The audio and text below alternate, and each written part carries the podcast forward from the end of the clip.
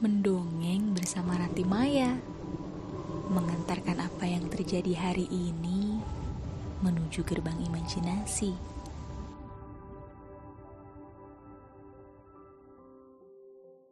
Dongeng coretan di sekolah. Di sebuah sekolah dasar Ada seorang anak laki-laki yang sering dihukum guru. Padahal ia selalu menganggap sekolah adalah rumah kedua baginya. Sebab di sekolah ada guru yang dapat membagikan ilmu dan menjadi orang tua keduanya. Selain itu, guru-guru di sekolah dianggapnya mampu memahami dan memudahkan segala kesulitan yang dihadapinya. Namun, anggapan itu cukup jauh dari kenyataannya. Ia kerap disuruh berdiri di depan kelas, berlari mengelilingi lapangan upacara, menuliskan apa yang ada di papan tulis menjadi beberapa salinan, menulis perjanjian untuk selalu memperhatikan guru, atau meminta tanda tangan kepala sekolah ia adalah Binar. Binar memang kesulitan menerima informasi melalui huruf dan angka. Ia cenderung mudah menerima informasi dengan mendengarkan dan melihat gambar. Binar memang tak pernah melihat huruf dan angka itu di papan tulis. Namun, ia selalu mendengarkan dengan saksama ketika guru sedang menyampaikan materi di kelas. Setelah mendengarkan apa yang disampaikan guru, Binar akan mengimajinasikannya.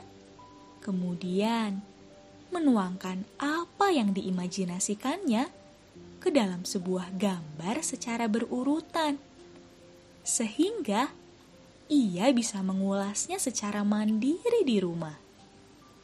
Namun, kebiasaan Binar kerap menimbulkan kesalahpahaman guru yang sedang mengajar di kelas.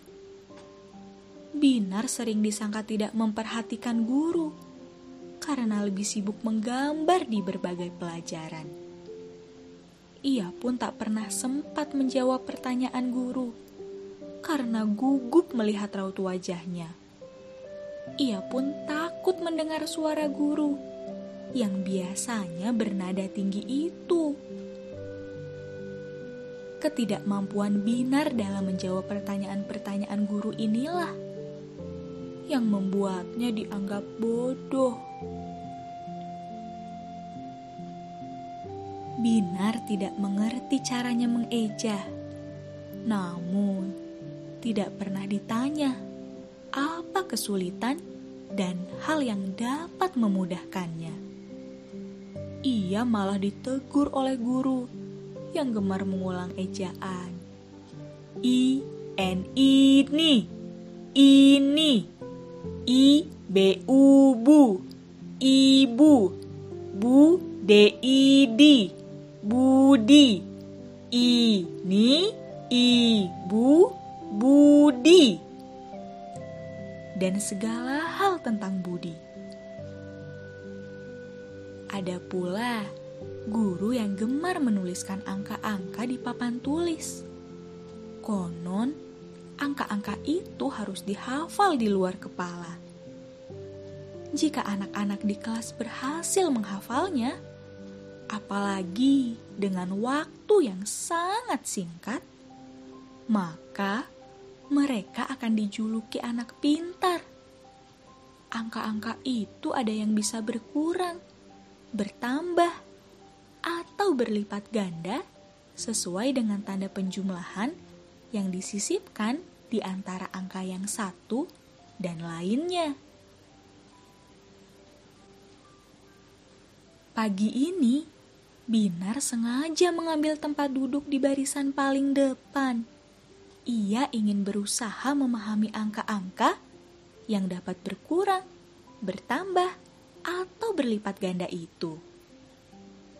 Binar tidak menyiapkan alat tulis yang biasa dipakainya menggambar karena takut dihukum lagi.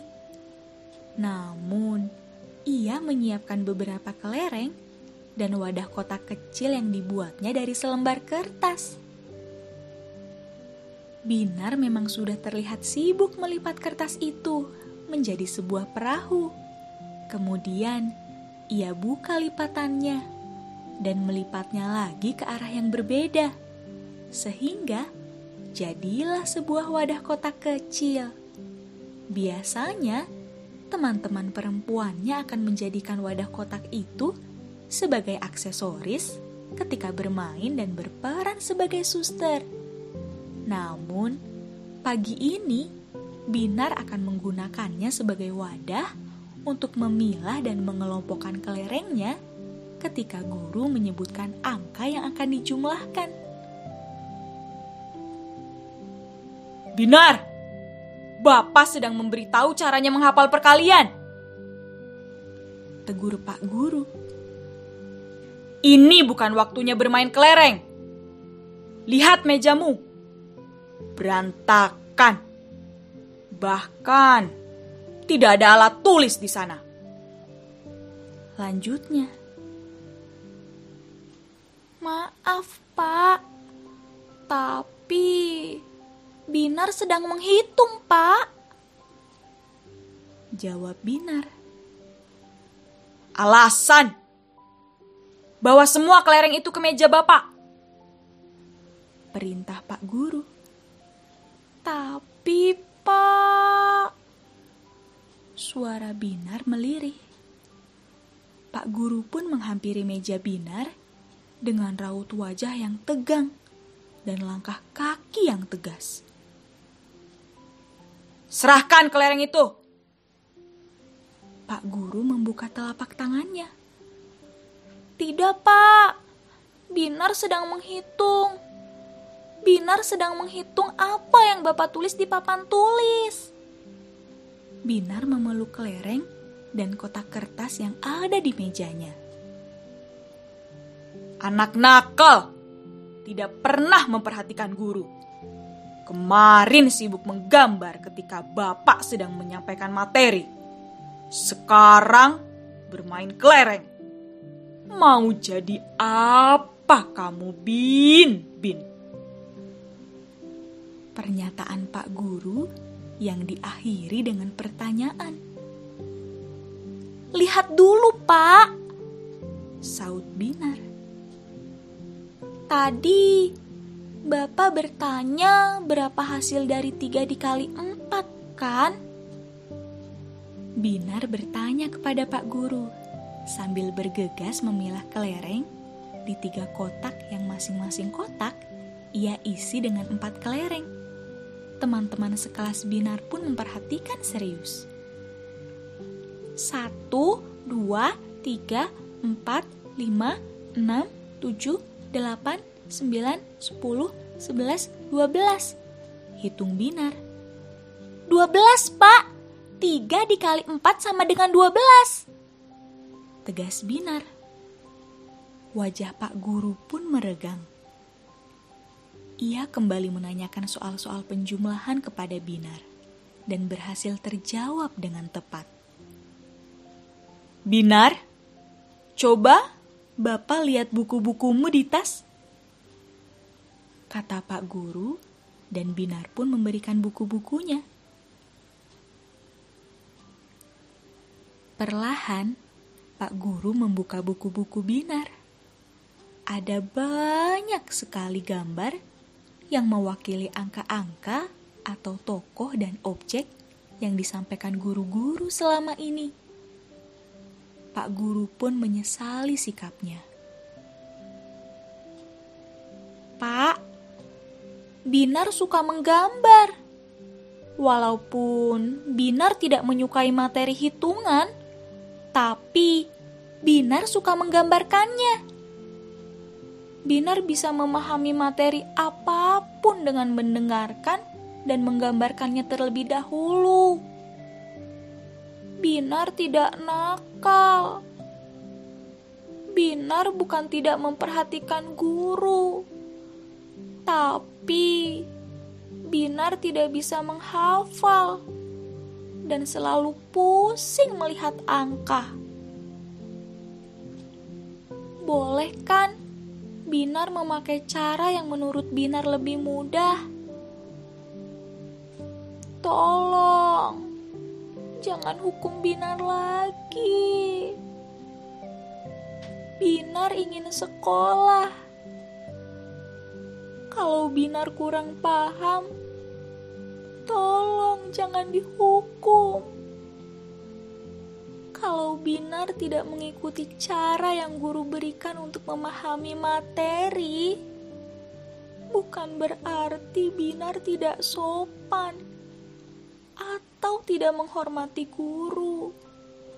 Tapi Binar membutuhkan cara lain yang sesuai dengan kemampuan dan kegemaran Binar, Pak. Tolong. Binar hanya ingin mencari ilmu dan bahagia bermain bersama teman-teman. Binar yang sudah tidak mau lagi dihukum menjelaskan dengan berani apa yang sebenarnya ia gambarkan selama ini.